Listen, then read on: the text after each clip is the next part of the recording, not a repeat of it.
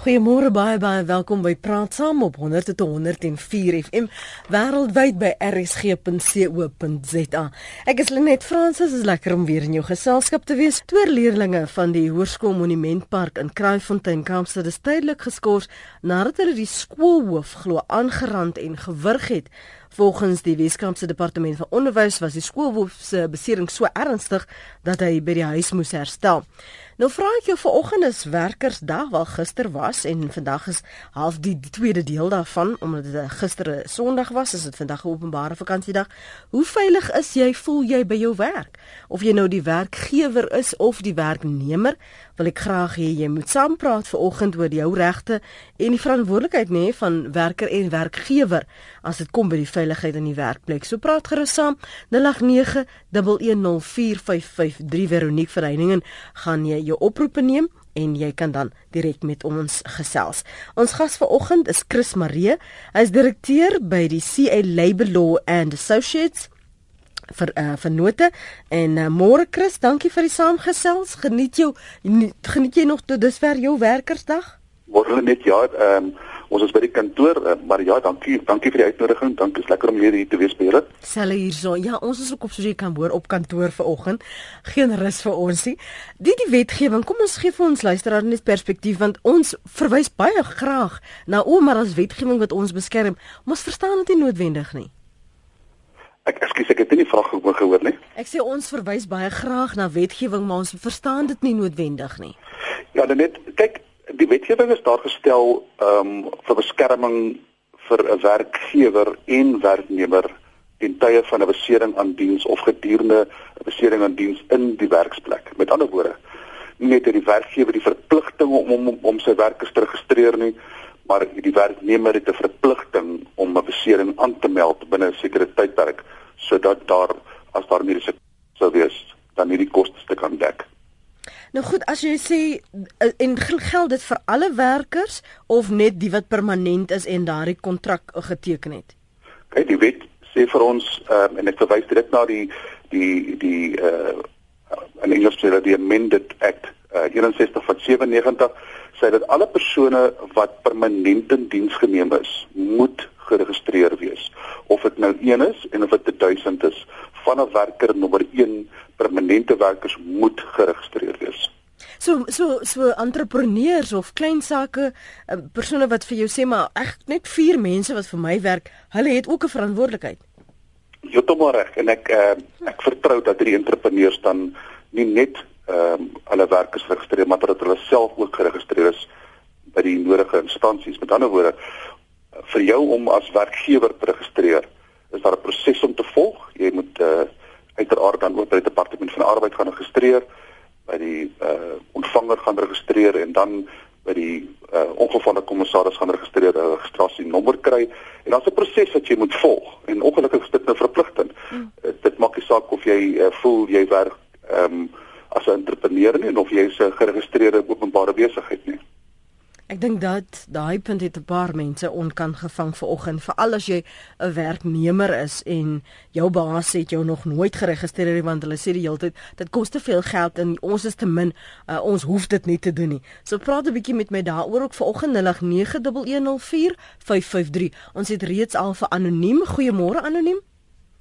Môre hulle net ook aan jou gas. Ag ek is in die onderwys, ek het 'n aansoek gebring, het tweede keer in 5 jaar om medies ongeskik verklaar te word. Ek is bipolêr 2 obsessief kompulsiewe persoonlikheid. Ek voel dis onregverdig om teruggeplaas te word binne die formele klassituasie waar daar elke 30 minute 40 kinders inkom wat aan hierdie onderwysers se mediese uh, uh, kom ons sê nou maar wanafwykings blootgestel te word. My vraag is nou dit: sou die onderwysdepartement my wel terugplaas en ek kan nie weier nie. Die rule of law sê you first comply then you object. En die proses herhaal homself en dis nou die tweede keer wat ek terug is onderwys toe die eerste aansoek is nie goedgekeur nie. In watter mate plaas dit my in 'n riskante posisie? Vir sover dit my aanspreeklikhede en verantwoordelikhede teenoor die leerders in die klas aangaan.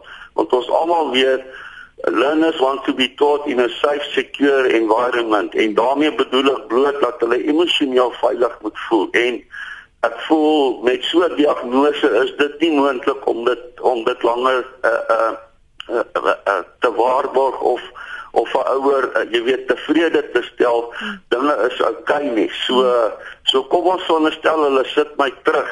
Wat wat sal die pad vorentoe dan nou vir my wees om kan, te volg? kan ek gou vir jou vra wanneer was die eerste keer wat jy aansoek gedoen het om ongeskik verklaar te word? Weet julle net jy sal my nie glo nie my goed is al op prof 14 2015 en ek het verlede week woensdag die eerste keer van 'n dame van die onderwysdepartement gehoor wat my gekontak het. Mm -hmm. Dis die eer, eerste keer wat die onderwysdepartement kontak met my gemaak het. Dit is vir die huidige aansoek.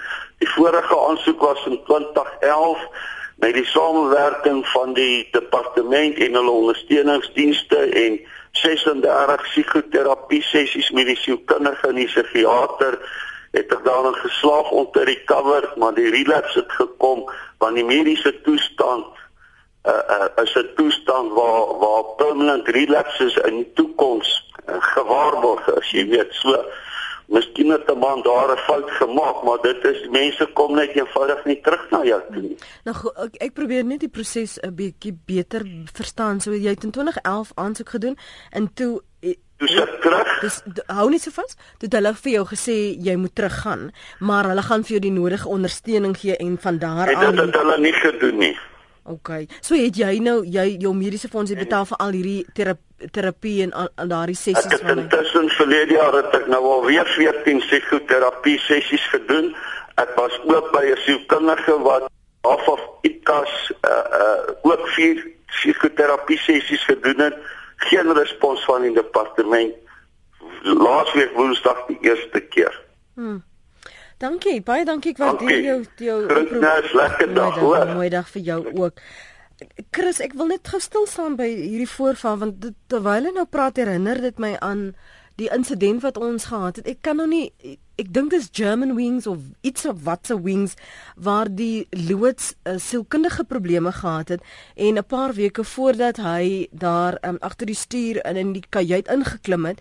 Um, van dit was 'n insident in Duitsland dink ek uh, verlede jaar of voor verlede jaar. Um, en die persoon is aangeraai om liefs nie te gaan werk nie man die die bestuur het nooit iets dat werkliks omtrent dit gedoen nie en dis hoekom ons daardie insident gekry het. Hier sê 'n uh, persoon ek dink nie ek is in staat of ek voel nie veilig nie en ek dink ook ek die kinders is veilig met my en so 'n omgewing nie. Wat is die soort oorwegings? Wat is die prosesse wat gevolg moet word? Want hy praat nou van 'n comply then object Hy is heeltemal reg ehm um, in terme van sy benadering, maar ek wil ek wil half net een of twee stappe terugneem. Goed. Ons moet eers bepaal is hierdie 'n besering aan diens. En ek ek ek is nie so kundig nie. Ek gaan aanneem dat die die oorsaak of sy prognose is as gevolg van sekere dinge wat gebeur het in sy werksomgewing. Ja, ja. Met ander woorde, die die volgende stap wat nou moet gebeur is hy moet eers rapporteer en ek neem aan hy het. Mm die tweede stap wat dan gebeur is, hy word dan verwys na ehm um, 'n mediese praktisyn toe in die geval heel waarskynlik 'n sielkundige. Die sielkundige neem doen na die nodige waarnemings en gedurende hierdie tydperk wat waarnemings gedoen word of wat die werknemer dan uh, uh ongeskik is of tydelik ongeskik is, sal daar prognose uh, verslag gestuur word aan die werkgewer. Kom ons veronderstel aan die einde van die dag besluit hierdie uh, sielkundige of mediese praktisyn hierdie werknemer is totaal en al ongeskik vir werk in die kondisie of toestand waarin hy is. Is die departement of die die ongevalle kommissaris dan verplig om hom ongeskik te verklaar? Nou, die departement van onderwys het geen beheer of sê hieroor nie. Laat ek dit baie duidelik maak, hulle is die werkgewer. Hulle het geen beheer of sê of finale besluit hieroor nie. Hierdie verslag word dan na die ongevalle kommissaris gestuur uh, die werknemer sowel as sowel as die werkgewer het 'n gesamentlike verantwoordelikheid om seker te maak dat die ongevalle kommissaris hierdie verslag kry. En my raad aan jou in, in anoniem sou wees om dan direk te ry na die ongevalle kommissaris huis in Pretoria toe, uh die die verslag in te dien, seker te maak dat die verslag ingedien word dat daar afskrifte ontvang is deur die ongevalle kommissaris dat daar afskrifte voorgeteken word en dan einde laaste dan te versoek dat hierdie verslag dan deur die paneel van die ongevalle kommissaris ondersoek moet word dat hulle sodoende die besluit kan maak of hierdie persoon geskik is vir werk al dan nie want die finale sê lê dan by die paneel in by die opgevalle kommissaris. Hmm. Wat sê die wetgewing oor ongeskiktheid? Hoe word jy as ongeskik verklaar? Goed, ek dit is 'n goeie vraag. Ons moet dit eerstens verstaan dat vir die eerste 3 dae van jou besering word jy nie ehm um, deur die kommissaris dan vergoed of hierdie hierdie hierdie klein word dan nie noodwendig deur die kommissaris vergoed in terme van jou vergoeding nie. Na 3 dae beskou ons dit dan as 'n tydelike ongeskiktheid en vir 'n periode van 3 maande het die werkgewer die verpligting om jou vir 75% van jou besoldiging dan te, te betaal per maand. Na 3 maande het die werknemer die reg om dan na die ongevalle kommissaris toe te gaan, te registreer of of die registrasie saam te vat, ekskuus, mm. en dan vir te versoek dat sy sy salaris deur hulle dan betaal word ehm um, op 'n beginsel wat hulle dan 'n ehm um, 'n besoldigingsskedule het hoe hulle dit uitwerk en dit word maandeliks van hom oorbetaal en hierdie tydperk is tydperk van 2 jaar voordat daar 'n finale besluit gemaak moet word of hierdie leer dan toegemaak moet word en of hy uh, moet aangaan vir verdere ondersoek. Gister daai eerste 3 dae is dit die eerste 3 dae nadat jy die mediese persoon gesien het en jy het 'n mediese sertifikaat wat sê jy's nou ongeskik. Jy moet nou eers herstel. Korrek. Ja, as as ek van as ek vandag seer kry vir tydperk van eerste 3 dae, ek is net vir 3 dae dan nou siek of seer, mm -hmm. uh, sal die werkgewer met ten volle betaal vir daai 3 dae. Na 3 dae, die dokter besluit nou ek moet vir 'n maand, ag gemeen van daardie ek het my rug gebreek, so ek moet vir 6 weke ehm um, as ek buite aksie. Daai 6 weke is die werkgewer net verplig om vir 75% van sy besoldiging uh die man dan te betaal of die of die werknemer mm -hmm. dan te betaal. Mm -hmm daarna moet hy dan soos ek gesê het dit direk gaan klein by die ongevalle kommissaris. Die reëls vir werkgewer en werknemer is dit presies dieselfde. Almal moet geregistreer word, selfs ek as werkgewer. Uh Chris? Ja, toe maar 'n werkgewer het die verpligting om sy werkers te registreer van die dag hulle begin werk en hulle is op op 'n permanente basis by hom aangestel. Dis reg daaroor. Mm. So of ek nou die basis of nie dit geld vir my ook en ek gaan deur dieselfde prosedure geen onderskeid geen onderskeid die die die die direkteure word dan ook uh geregistreer by die ongewaarde kommissaris want uiteraard is hulle ook mense wat kan seer kry hmm. as hulle byvoorbeeld by die trappe afval en breek sy enkel ehm um, en dis 'n besering aan diens kan hy dan ook homself registreer daarvoor So as ek my kop kap byvoorbeeld of ek val in die toilet want die vloer was nat en daar was nie 'n boortjie nie. Uh, die die werkgewer is aanspreeklik daarvoor daardie omstandighede? Die werkgewer is aanspreeklik in die sin dat hierdie uh verslag moet na die ongevalle kommissaris te gaan. Mm Op die dokument ehm um, wat die werkgewer dan invul, uh een van die vrae wat hom sal vra is: "Was jy oortuig dat hierdie 'n ongeluk was?" en twee dat die persoon wel aan diens was. Met ander woorde, as uh, ons by die voorval gebruik van 'n uh, badkamervloer uh, wat nat is mm en die ou gly en val en stamp sy kop. Dis 'n ongeluk. Nalatigheid sal uiteraard by die dag op 'n ander plek bewys word, maar dit was nog steeds 'n ongeluk en nie die ou het nou seer gekry en noodwendig moet ek as 'n werkgewer dan seker maak dat hy die nodige mediese hulp ontvang. Met ander woorde, ons moet verstaan dat die ongevalle kommissaris ehm uh, fonds is bloot 'n mediese versekering of 'n of 'n versekering dat jy ehm uh, die beste behandeling sal ontvang vir 'n besering aan hmm. diens. Kom ons hoor wat sê meneer Johan Els, hy hou vir ons aan daar op Morimole. Môre meneer Els. Goeiemôre Lenet. Dit gaan goed, ek hoop dit gaan baie goed met jou en met u gas. Dankie. Al wat ek oor kommentaar wil lewer is oor die onderwyser wat ingeskakel het. Ja. Hy sal ongelukkig sy vakbond moet gaan sien. Hy sê sy mediese pa moet vat want ek verstaan die staatsdepartemente wil nie graag mense medies ongeskik afsit nie. Hulle giddel nie die pensioen nie en hulle straf hulle oor hulle lid is. Sy sê sy vakbond moet gaan sien en eintlik daai manne luister net as jy met manne voor die hof staan. Ek weet waarvan ek praat want ek was deur dieselfde ding 23 jaar gelede.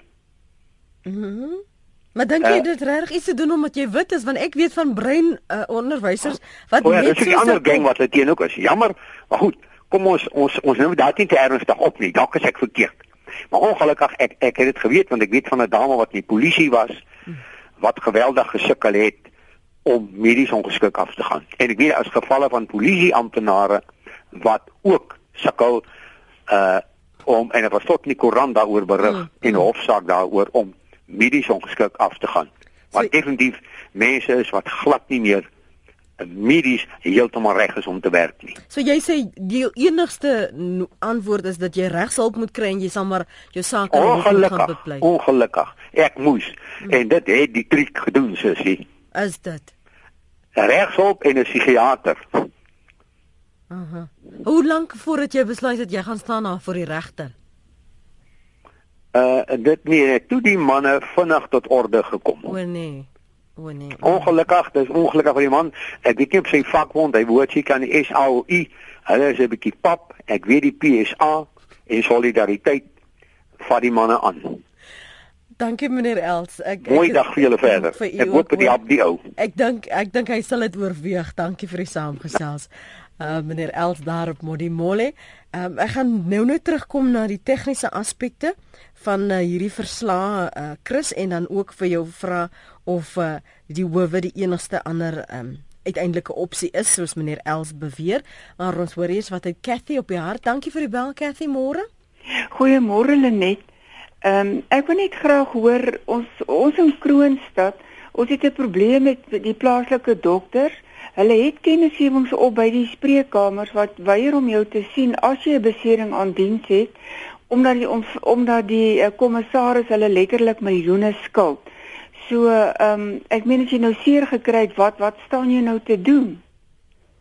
So hulle het hulle 'n bordjie opgesit om te sê hulle hand gaan dit nie hanteer nie. Ja, dit is kennisgewings wat opgeplak is. Uh, hulle kan geen ongevalle uh, beserings aan dien besering aan diens kan hulle hanteer nie. Hulle wys jou weg omdat die ontvanger hulle letterlik miljoene skenk. Dit is wat ons situasie is in En as niemand anders in Kroonstad en wie jy wel kan sien nie, eh, is dit nie net iemand wat die vorms eh, moet eh, deurgaan en en vir jou verduidelik wat die implikasies is nie? Nee, nee, die vorms is heeltemal korrek mm. ingevul. En dan wat jy dan te doen staan is jy moet of na ons staatshospitaal toe gaan wat absolute uh dit dit help nie jy dit dit is 'n nul op 'n kontrak wat jy dan te doen staan is jy moet dan welkom toe gaan Kathy, ek gaan gou jou navraag hanteer. Dankie vir die bel. Chris, is is dit wetlik? Jy kan mos nou nie vir iemand wegwys of sê ons omdat hulle ons geld skuld gaan ons nou glad nie meer die ding hanteer nie? Nee, jy sit op 'n korrek. Dit is dit is half oneties vir 'n dokter om te sê ek kan jou nie behandel bloot omdat die ongevalle kommissaris my nie betaal nie. Maar daar is daar is uiteraard ehm um, uh, en wat ons noem in die bedryf 'n runner of 'n um, 'n um, 'n bode mhm. wat van dokter na dokter gaan hierdie eise vat en fisies by die kommissaris gaan sit. Hulle sit 'n vol dag daar en hulle hanteer elke individuele eise, maak seker dat die dokters betaal word. Nou as die dokters nie betaal word nie, is dit gevolglik ehm um, en primêr dan as gevolg van administrasiefoute. Maar kom ons neem aan dit is die enigste dokter Kroonstad wat ek uh, weier om te aanvaar. Ehm um, die private hospitale uh, kan jy ook na toe gaan en jy kan 'n besering aan diens daar ook gaan aanmeld en die ongeval die ongevalle kom agter ten minste die die dokters by die private hospitale sal jy ook dan behandel want die private hospitale het dan ook die reg om direk by die ongevalle kommissaris te klei. So nee, uh, ehm uh, een dokter kan dalk weier en dit is 'n debat vir 'n ander dag, maar daar's daar sal vele ander dokters wees wat maar te gretig sal wees om dit goed te doen want waarskynlik is hulle administrasie op datum. Dan sê dankie, dankie dat jy vir daardie duidelikheid. Elsie, môre. Goeiemôre. Ek wil net sekerheid hê of ek nou reg verstaan het. Dit is as iemand op 'n permanente ehm um, basis aangestel word dat die werkgewer moet betaal vir die ehm um, wat sê jy lidmaatskap aan hierdie fonds. En wat dan van die mense wat nog tydelik is? Goed. Jy kry dit ook dat baie werkgewers maar bietjie ty is om iemand aan te stel nadat mm. die 3 maande van die tydelike mm, mm. werk proef verby is. Ja, ja. tyd by verby is. Kom ek hoor gou, dankie Elsje. Wat wat van die mense wat in limbo is wat daardie uh, proeftydperk eers moet meemaak? Dit dit is 'n baie lang debat, maar ek wil in Diller verwys na seksie 83A van die Wet op Basiese Diensvoorwaardes Uh, sy kan van die intrede gaan aflaai seksie 83A van die wet op basiese diensvoorwaardes. Daarom is daar sewe faktore om te sien wie is 'n werknemer. As daai persoon kwalifiseer onder net een van daai sewe faktore, is hy 'n werknemer. Met ander woorde, jy is dan verplig om hierdie persoon ehm um, te registreer. Maar niemand niemand niemand hou dit op gedagte dat as jy byvoorbeeld 'n kontrak het en jou kontrak is net 3 maande lank, is die persoon dan tydelik of of is hy of is hy permanent vir 'n tydperk van 3 maande? Die wet sê hy is permanent. Met ander woorde, hy kan net so hard seer kry as 'n persoon wat 3 jaar daar werk. So jy moet hom dan registreer. En en en ek dink die mense het 'n misverstand of die die die publiek het 'n misverstand of 'n wanverstand oor wat of hoe word 'n persoon geregistreer. Dit jy jy, jy registreer nie noodwendig vir koers van 'n wald nie jy registreer 'n sekere hoeveelheid werkers in 'n sekere industrie en daarvolgens word 'n formule bepaal waar volgens jy moet inbetaal en dan kry jy 'n registrasienommer. So hierdie persoon wat dan onder jou registrasienommer werk, mm. is dan geregistreer. Goed, en dit gaan verskil van industrie tot industrie. Heeltemal reg. Van industrie na industrie sal afhangende van watter industrie jy in is, uiteraard sal die chemiese industrie se formules uh, op 'n hoër skaal uitgewerk word as ehm um, jou klerikale uh, staf wat in 'n kantoor sit. Mm. So dit, dit word maar per industrie uitgewerk. Die graad van risiko. Korrek. Ja, maak vir my sin. Ons gaan nou-nou lees wat ons luisteraars skryf op ons webblad rsg.co.za. Susie, jy verwys hier na 'n B BAD en ek weet nie of jy bedoel bad nie en of dit uh, verwys uh, oh, is dit besering aan die dankie daarvoor. Jy kan sien ek skryf genoeg SMS'e uit nie. Ek verstaan nie altyd die SMS taal nie. Dankie daarvoor. Chris, Susie skryf hier kanse is goed dat die onderwyser met die psigiatriese kondisie nie 'n besering aan diens het nie, maar moet aansoek doen om medical boarding wat sy werkgewer se pensioenfonds betrek. Hy moet 'n arbeidsterapeut gaan sien vir 'n werkevaluasie, want slegs 'n arbeidsterapeut kan volledig of iemand die fisiese en die psigiese kapasiteit het om sy werk te kan doen. Dankie vir jou terugvoer daar, eh, Susie Connie van Dannaby skryf: "Die beskerming van die regte en belange van werkers in die werkplek is nie onderhandelbaar nie en werkgewers het 'n verbintenis en behoort in staat te wees om die basiese veiligheid van werknemers te kan waarborg. Dit sal ook tot beter produktiewe resultate lei. Dit gaan ook oor die vestiging en die handhawing van uh, 'n veilige en gesonde kultuur soos die ingesteldheid van alle werknemers by die werk, huis of waar hulle ook al bevind om verantwoordelikheid te aanvaar vir hulle eie veiligheid. Ons gaan net nou terugkeer na daardie verantwoordelikheid aanvaar vir jou eie veiligheid indien die omgewing waar jy werk nie deur die werkgewer as veilig uh, veilig gemaak is nie of verseker is nie. Toby, jy's in Port Elizabeth, wat het jy op die hart? Goeiemôre. Ja, goeiemôre aan jou en goeiemôre aan jou gas.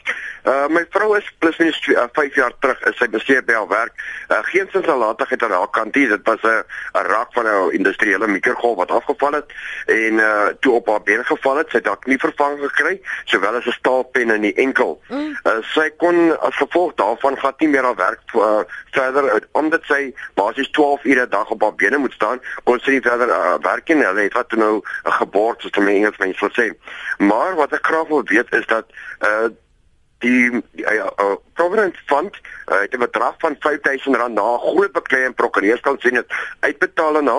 Uh, verder is daar geen verdere geld aan uitbetaal nie. Uh 3 jaar na besering het ons al werkgewer uh, gekontak ook deur 'n prokureur deur te sê ja, sy is nog nooit uh, gebord soos hulle dit sê nie.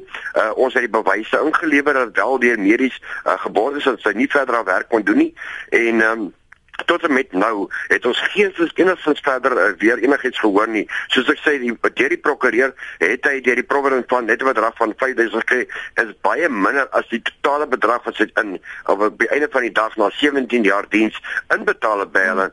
En dan verdere vrae wat ek wil weet is nou, gee ek nie vir haar weer verdere probleme Hoekom uh, is die vraag nou is die IOD sal ek maar nou sê dan nou gesluit dan hulle sê sy moet nou self die kostes verder dra.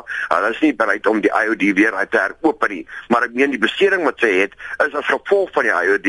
Hoekom het sy dan nou nie uh, moet sy dan nou vir haarself die kostes dra? Dis 'n vraag wat ek graag wil weet. Sê vir my Toby, kan jy aanhou? Ek kan. Okay, hou vir my net aan asseblief. Okay. Kom ons praat gou hierso uh, direk met uh, met hom Chris. Toby, goeiemôre Ek ek Môre. Ek verstaan jy jy verwys na 'n provident fund en ek ek is nie seker is dit die pensioenfonds waarna jy verwys of die ongevalle kommissarisfonds waarna jy verwys. Die ongevalle kommissarisfonds, dit is die die ja, dis die gedeeltelike wat hulle betaal kyk jou jou uh, besering aan diens. Uh dit word mos van basies uh deur die dit dit was verdek uh, in die sin vir die Okay. operasies en en dit en die hospitaalkoste dis is al verdek. Ehm Ehm, ek probeer help daar.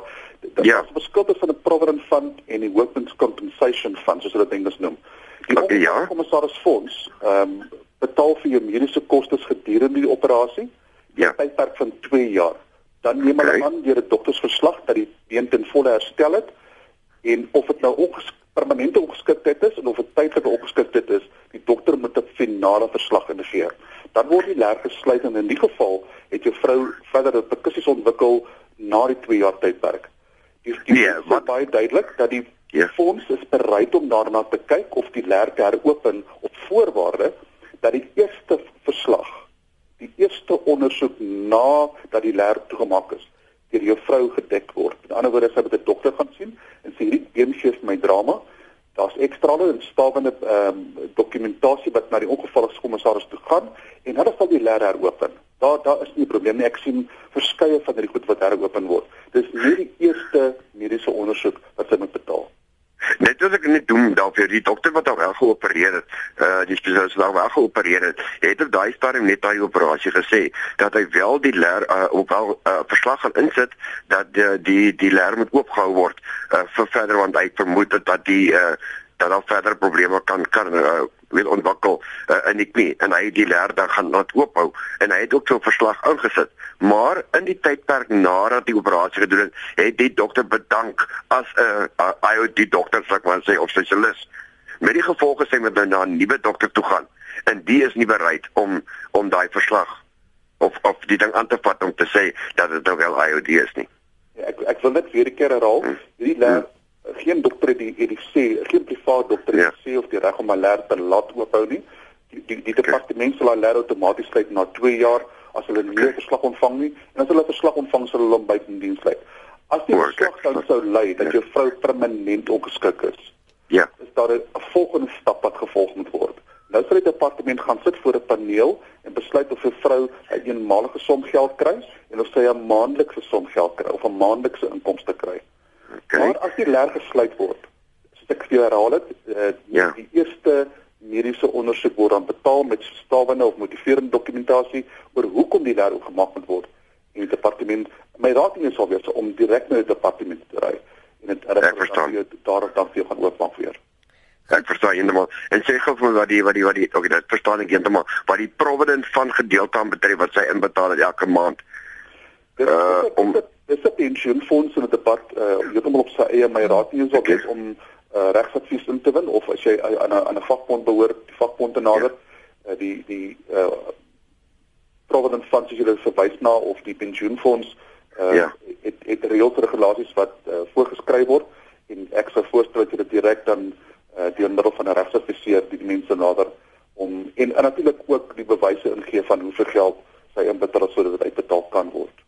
Ek waardeer dit baie baie dankie. Baie Dankie, dankie Toby. Jammer dat ons jou daar nou moet knop kort klip want ons het 'n lang lys van luisteraars wat wil saamgesels. Uh, kom ek hoor gou wat het Jan op die hart en nee ek sien naamloos hou hulle rukkie aan. Naamloos môre? Goeiemôre Lenet. Ja, praat gerus. Um goeiemôre Chris. Ek is in onderwys en um ek is twee weke terug deur 'n leerling graad 9 leerling aangerand. Um Sjoe. Geen dokumentasie was ingevul deur my werkgewer nie en op die ou einde moes ek in laasweek self op my mediese fonds 'n dokter gaan sien as gevolg van my pyn en dit het uitgekom op ekstrale dat ek wel beseer is. Is daar enige manier behalwe deur 'n mens se vakbond wat 'n mens menseregte kan staan en op 'n op 'n voet kan staan om te sê ek het seer gekry daardie kind emosioneel is dit vir my slegter want die kind is terug in my klas.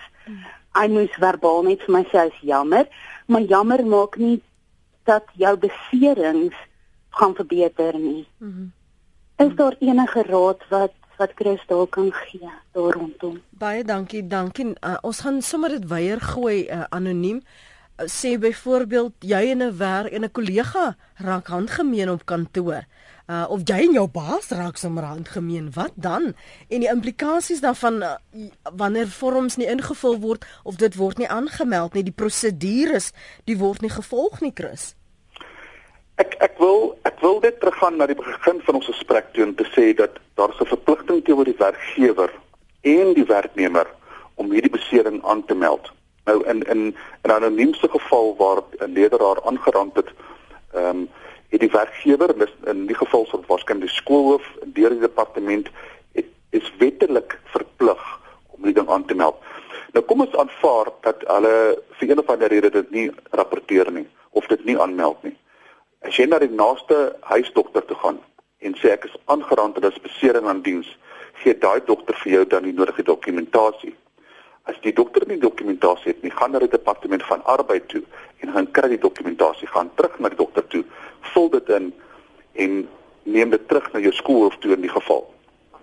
Hierdie mense is verplig om dit goed aan te meld en dit is strafregtelik verkeerd as hulle sou weier of dit net ignoreer om dit aan te meld. In die tweede geval waar jy gesê het hulle raak handgemeen, ek het vroeër genoem dat die werkgewer het 'n verpligting om te vra of om te antwoord op die vraag was hierdie 'n regte besering aan diens. As jy oortuig dat hierdie is 'n besering aan diens, as dit 'n kriminele misdryf is en twee persone is beide skuldig aan die misdryf, dan kan dit noodwendig uh, as 'n besering aan diens verwys word nie alvorens daar 'n ondersoek gedoen is nie. As daar net een van die twee homself skuldig maak aan die misdryf en die persoon wat dan aangerand is, is dan seker gekry by die werk kan dit verwys word. Hmm. Chris baie van die luisteraars wat vra of hulle hulle huiswerkers en tuiniers ook moet registreer. Dit is dit is een van die ehm um, groot kritiese argumente wat ons in Suid-Afrika het dat vandat huiswerkers geregistreer word by Departement van Arbeid, ehm uh, sê die mense dat dit onnodig en ek, ek verskil daarmee. Daar is 'n duidelike wetgewing dat ons nou die huiswerkers ook nou moet registreer en ja, hulle moet ook by die departement uh of die opvangkommissaris geregistreer word want sy is ook blootgestel aan beserings by die werksplek. Hmm.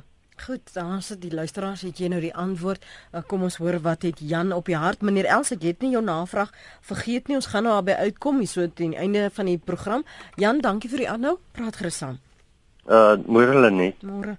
Ag, ek wil net ek wil net uh ehm um, beamoen wat daai vrou van nou nou uh oor met julle gepraat het oor ehm um, Kroonstad. Ek is ook hier van Kroonstad. Ek is uh ek is ook beseer aan diens en dit was 'n lang en 'n verskriklike lang proses wat ek moes deurgaan want my vakunie het my na 'n prokureur toe verwys. Die het gesê hy kan nie my nie help nie. Ek is Johannesburg toe vir 'n prokureur. Die kon my nie help nie, maar elkeen het sy kat met ander woorde gevat omdat ek hulle gaan sien net en so aan en op die einde van die dag het ek geëindig by 'n prokureur in Kroonstad en en dit het my daar duisende rande gekos uit my sak uit om a, om a, om 'n hooggeregshof bevel te kry dat daar 'n arbitrasiehof met die ongevalle kommissaris uh, gehou gehou was en uh, hulle het toe gekom en hulle die die die hof die arbitrasiehof hier in Kroonstad kom hou en hulle het alles uh, uh swart op wit gesit en vir my uitbetaal want my salaris is gestop, my medies is gestop, alles deur my werkgewer. Ek het geen voordele mee gehad nie en ek het tot vandag toe nog geen voordele nie. En uh die ongevalle kommissaris het het op die arbitrasiehof het hulle gesê nee, hulle sal die dokter vergoed en uh uh wat hulle tot die ek praat van 2004 af tot vandag 2016 het hulle nog nie my dokter vergoed nie en my dokter my dokter wat my daai tyd uh behandel het mm. het dat oor die 30000 rand se medikasie aan my voorsien wat ek moes kry. Het op 'n stadium vir my gesê sorry, uh ek kan my nie verder voorsien nie, ek kan my nie verder help nie want die ongevalle kommissaris betaal hom nie. En dit is waar die daai spesifieke dokter weet ek uh spesifiek het 'n het, het 'n bord op hy doen glad nie meer ongevalle uh uh uh uh, uh jy weet uh, ja. probleme en goede nie. En Ja, en dan dan die ongevalle kommissaris uh, kom ook nie sy kant sy sy sy sy dinge uh, na wat hy ge, wat hy wat op die hof, hof besluit op die hof uh, sitting uh, besluit is nie dat dat ek met ander woorde 'n staatsvergoeding kry. Ek kry elke maand 'n staatsvergoeding en as daar 'n staatsverhoging is, dan moet ek 'n staatsverhoging kry. Die eerste een het ek nie gekry nie. Ek het aansoek gedoen vir dit.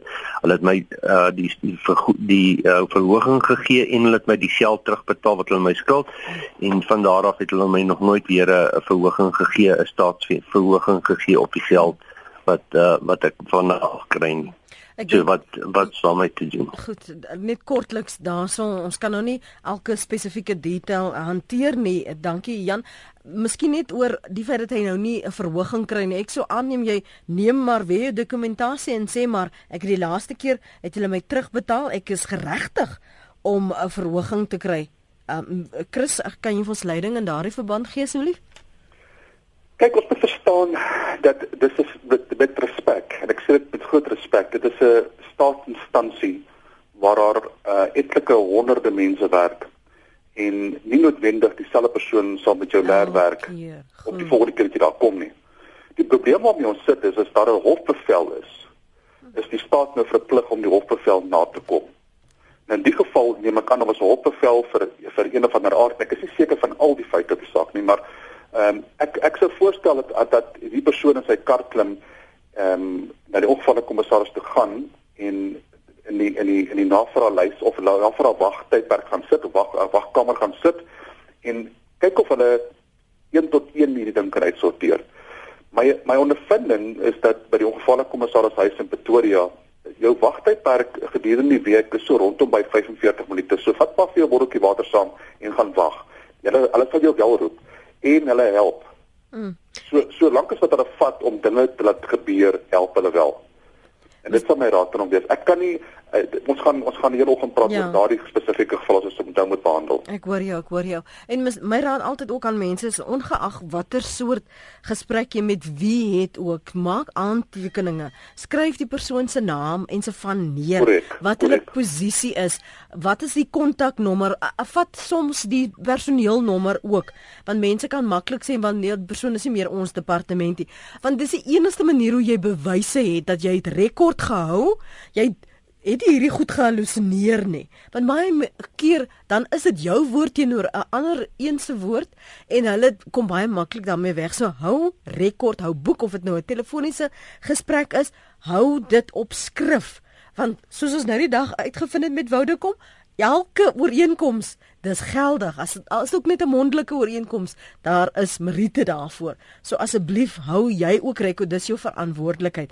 'n um, vinnige verwysing na ons uh, sosiale media anoniem wat sê mag jou werkgewer in die staatsdiens jou siekverlof weier as jy vir 'n dringende en ernstige operasie moet gaan om dan pynvry te kan werk Herhaal net die vraag, ekskuus, ek het dit weer nie gehoor nie. As as my werkgewer weier in die staatsdiens om vir my siekverlof te gee vir 'n dringende en ernstige operasie wat ek moet uh, moet ondergaan. Is dit nou 'n gewone siekverlof of is dit 'n besering aan diens?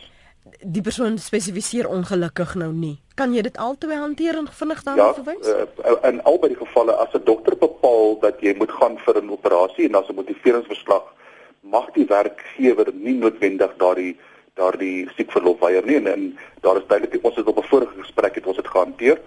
Uh gedurende besering aan diens geld presies dieselfde antwoord. Hmm. Die werkgewer uh met sy dokter is om om om om te kan sê dat daardie dokter verkeerd is, het geen reg of seggenskap oor so besluit nie. Hmm. Hy sal moet die siekverlof toestaan. Maar daar's verskeie merites aan siekverlof en aan besering aan diens siekverlof. Kom ons neem sommer twee oproepe na mekaar. Ons praat gou met Mattie. Ooh, jene Mattie, is jy daar? Ah, goeiemôre mevrou. Môre Mattie. Ag, ek is hier op 'n plaas in Noorderperen. Sien, ons het ook hier 'n probleem met uh, ons werkgewer wat uh, ons het mos 'n kliniek en as ons kliniek toe gaan, dan wou hy nie vir ons uitbetaal nie. Hy sê ons moet dokter toe gaan. Maar ja, so ons werk net vir 2, 3 ure dan moet ons huis toe kom. Ek sê wel die manne en hy betaal ons nie uit daarvoor nie. So jy het nie om O, Matthie, ek hoop nou dis nou jou ligtheid wat nou haar vir jou al afsny nie. Maar dit klink vir my asof sy sê dat daar is nie betaling vir wanneer daar 'n 'n krisis is nie. Eh, dit is wat die afleiding wat ek maak. Um geld hierdie reëls ek sou aanneem ook vir plaaswerkers en of hulle nou seisoenwerkers is al dan nie? Chris? On, ongeag van die industrie, uh, as 'n besering aan diens was, geld dieselfde reëls en as hulle uh, seisoenwerkers of of dan plaaswerkers soos ons hulle noem, mm. ehm um, mediese die mediese terme of die mediese voorskrifte in die in die wet ehm um, geld presies dieselfde manier vir hulle ook. Daar is daar is geen verskil daarin nie. Ehm um, ek stem ek ek het dit een ding gehoor dat sy genoem het gesê die die werkgewer wil nie betaal as hulle na 'n kliniek toe gaan nie. Mm. Sy so neem maar as 'n gewone uh verkoue ding en sy wil na kliniek toe gaan en nou wil die werkgewer nie betaal nie. Ehm um, as as as hulle in die in die reëls op dag 3 by 'n kliniek gekom het, is die werkgewer binne sy reg om nie te betaal nie. Mm. Maar sê dit byvoorbeeld dit was wel 'n besering aan diens en nie net 'n verkouetjie nie, maar sy gaan na die kliniek toe dan moet hy dit steeds eerbiedig. Nee, die die kliniek het nie die autoriteit of of die reg om daardie besering aan diens te hanteer nie. Dit is slegs 'n dokter, 'n mediese praktisyn of 'n hospitaal wat dit moet hanteer. Jy sien nou die die probleem is is Noorderparel um en ook met uh, die vergoeding wat sommige plaaswerkers kry, het jy nie nodig tyd die die tyd om te gaan sit by 'n dokter of hy konsultasie fooi te betaal nie. Um en ek kan nou maar indink dis die kliniek is die enigste plek waar almal kan bekostig en jy weet jy gaan of 'n uur daar sit vanaf 5:00 eh, die oggend, maar jy gaan gehelp word. Maar as jy nou nie as 'n instansie as die autoriteit het om eise te maak nie of dan te daarna te verwys nie, uh, hoe anders gaan hulle gehelp raak? Ek jy moet verstaan dat eh, 'n uh, besering aan diens, jou konsultasie vir jou by 'n dokter is word nie van jou verhaal nie. Dit word direk van 'n gevalle kommissaris verhaal. Met ander woorde, vanaf die eerste konsultasie sal die ongevalle kommissaris hierdie konsultasie fooie van die dokter of die mediese praktisyn sal dan betaal. So as dit dan te ver is vir hom daar uit te kom en neem aan dat dat 'n uh, afstand um, speel 'n groot rol hierso. Ehm um, sou ek dan versoek dat hulle die werkgewer om te sê maar weet uh, kan jy ons assisteer om om by die naaste dokter te kom want 'n besering aan diens is gewoonlik uh, van krities van aard wanneer dit gebeur en ek sê gewoonlik nie altyd nie. Mm. Ehm um, en dit versoek dan vir die, vir die werkgewer om daar uit te kom. Alternatiefelik ehm um, sal jy op jou eie vervoer of op op jou self al gewees het dan by 'n dokter moet uitkom. Mm. Maar 'n dokter moet hierdie ding. Maties, wat dis jou opsies? Ehm um, as jy dan nou nie self dit kan nie kry iemand wat kan help en help verduidelik, ehm um, of dan gaan sien 'n regskliniek, ek weet nie wat sien naaste watter een is die naaste aan julle nie, ehm um, om daar regshulp of regsraad te kry of iemand wat namens julle kan praat as ek weet jy of julle deel is van 'n vakbond nie. Maar is 'n paar plaaswerkers vakbonde. Kyk, dit is ook 'n opsie. Mevrou Ras, dankie vir die bel môre. Okay. Ja, ja. Ek luister. Eh uh, my seun het 'n uh, 5 jaar gelede by iemand gewerk maar die persoon was nie geregistreer nie. Ja. Kan ek praat? Ja, ja, jy, die, uh, die persoon was nie geregistreer nie, maar jy Ja, misschien, ja, mm. die persoon wat wie hy gewerk het, was nie geregistreer nie, so het hy sy rechterbeen verloor. Mhm. Mm by die plek. En uh, hy het gevra vir geld daar by die plekke wat hulle vra, maar hulle het van die hand gewys, want blijkbaar kan hulle nie die vrou opspoor vir wie hy gewerk het. Goed. Ek wou iets met ons kan doen daaraan. Goed, dankie daarvoor. Kan ons sommer dan in die algemeen praat oor eh, werkers wat nie seker maak dat hulle as 'n kollektief dan geregistreer is nie dat die die die werkgewer dit gedoen het nie want nou in hierdie geval is daar was daar 'n besering maar hulle is nooit geregistreer nie so daar's hulle kon nie die werkgewer verantwoordelik hou nie Ja, baie goeie vraag. Ehm um, ek wil graag begin by die begin en dis dat werknemers moet onthou dat hierdie is 'n voordeel vir die geval waar hulle beseer word. In die geval dat 'n persoon sy been verloor en is baie ernstig. Mm. So die eerste ding wat moet gebeur is op 'n salarisadvies sal daar 'n aftrekking wees wat ons noem of na verwys as 'n UIF of unemployment fund uh, aftrekking. En noodwendig as die persoon dan geregistreer is, sal ons ter goeie trou aanvaar dat die persoon ook dan geregistreer is by die werkloosheids ehm um, fonds of die opgevaarde kommissaris fonds ekskuus. As die persoon nie geregistreer is of hy sien nie die aftrekking op sy salarisadvies nie, nader jou werkgewer dit vra. As hy dan sê hy is nie geregistreer nie, het jy een van twee opsies. Jy kan dit of self gaan aanmeld en die departement moet julle bystaan daarmee. Alternatiefelik gaan sien jou vakbond of regsverteenwoordiger maar maak seker dat jy geregistreer is. Die ongevalkommissaris het 'n merietestelsel uh, waarna hulle die tipe van besering sal na sal kyk en die werkgewer ver verantwoordelik sal hou vir mediese kostes. Ek ek wil nie daarop te veel uitwy nie, dis 'n baie tegniese debat daai, maar uh, ja, die die werknemer ehm um, moet maar kyk daarna en en die nodige stappe neem om seker te maak dat hy wel gedek is teen tye vir of as sou dit gebeur ehm um, dat hy beseer word aan diens. Mm -hmm. Is daar 'n tydsraamwerk vir aanmelding van 'n besering as jy nog in pyn in die hospitaal is op dag 2 byvoorbeeld, ehm um, wanneer is dit die afsnypunt vir wanneer jy dit mag aanmeld? Kyk, dit is dit is altyd uh ek, ek dis verkieslik dat dit onmiddellik aangemeld moet word. Ehm um, maar die kom uh, die die opvalle kommissaris sê dat tot by 12 maande ehm um, as hy binne 12 maande op die geregistreer het dan dan verloor hy sy regte hieroor. Ehm um, maar dit is altyd aanvaarbaar dat hierdie ding dan onmiddellik geregistreer moet word en onmiddellik aangemeld moet word. Werkgewer sal dan die dokumentasie invul en as dokter dan bevind dis 'n kleinerige besering, uh, hier is nie 'n probleem nie en later van tyd kom daardie besering terug. Ons almal weet met ouderdom gebeur daar maar dinge hmm. en en, en die, die liggaam funksioneer nie so wel nie. As daai besering dan terugkom na jou toe, is dit op rekord en is op lêer so dit kan dan oopgemaak word die die, die lêer kan oopgemaak word en jy kan dan begin klein teen daai besering. Goed. Laaste verwysing vir môre is van Neville in Willemore. Oh, oh. Môre Neville. Hallo. Hallo Neville. Môre Lenet, gaan dit goed? Goed en jy? Ag, ons gaan aan man. Lenet, ek ja. het destyds by korrektiewe dienste gewerk. Ek is uh gebord of op uh, medies ongeskik gevind. Maar dis vir 'n ander saak, maar ek is so 25 jaar min of meer is ek in die tronk aangeval. Mm. By agter my rug. En uh ek het uh weer gaan werk. Ek is nie afgeboek nie, ek is net vir 'n paar dae na die voorval. En uh ek is toe ek is uh met 'n mes gesteek en toe is ek die gevangene is gefonnis. Maar uh, ek het teruggegaan werk toe, is blykbaar my eie toe doen volgens hulle. Maar ek wou net werk soos ek moet werk. Die ander punt is dat toe ek vra of daar enige uitbetaling is, toe sê hulle nee, ek het no, ek het normaal herstel, ek het geen gebrek nie, maar hulle weet nie die trauma wat ek mm. deurgemaak het en die wond hy hy, hy pla my mm. en uh, vir alles wat koud is. Mm. dan pla die wond my. En dan die gebeurtenis hy kom van tyd tot tyd speel hy af in in in kom ek sê in 'n nagmerrie. Ja. Dis wat ek wil sê en ek wil weet of uh, wat ek nog kan doen. Goed of jy nog iets kan doen Neville ja. al die tyd ja. Dankie Neville.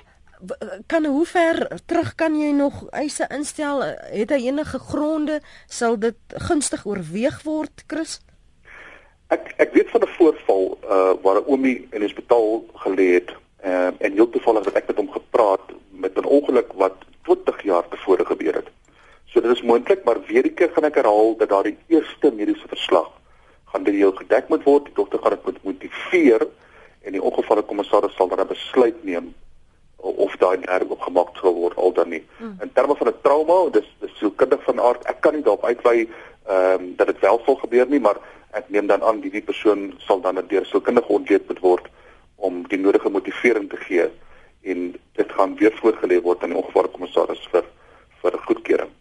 Is dit soos meneer Els vroeër beweer het jou regtig met al die tegniese verslae en die oor en weer en die tyd wat uh, gemors word dat jy maar aan die einde van die dag maar jou 'n prokureurtjie moet kry en dan voor die hof gaan staan? Weet ek het geluister na die gesprek um, en met tong in die kies ek ek ehm um, ja, mens mens moet seker nie vergeet dat jy hierdie reg om 'n prokureur te gaan sien en en uiteraard dan op 'n dag in 'n hof moet verskyn dat die hof dan 'n beslissing moet maak nie, maar my eerste raad sal altyd wees nader die ongevalle kommissaris persoonlik. Moenie aanvaar wat ander mense vir jou sê nie, gaan sien hulle persoonlik. Kry, soos jy vroeër gesê het, hou rekord van wat gebeur, kry antwoorde volg gereeld op ehm um, mense het die tendens om om maandag te gaan en oor 2 maande weer te gaan te hoor hoe ver is dit nou. As dit beteken dat jy moet weekliks dag is, dan weet jy by die ongevalle kommissaris omdat hierdie situasie vir jou belangrik is, doen dit. Maar as alles dan nie werk nie, of else fails as Engelsman sê, gaan sien dat 'n prokureur wat spesialiseer in hierdie goed en dat hulle dan die nodige stappe neem Ek hoor en ek sê luisteraars, wat wil jy daai Chris? Ek moet in die werk wees. Ek het nie tyd om daar te loop sit nie. Chris, dankie vir jou tyd vanoggend. Waardeer dit. Sterkte, mooi bly. Dit was Chris Marie, direkteur by CA Labor Law en Vennote en dankie vir julle navraag en uh, terugvoer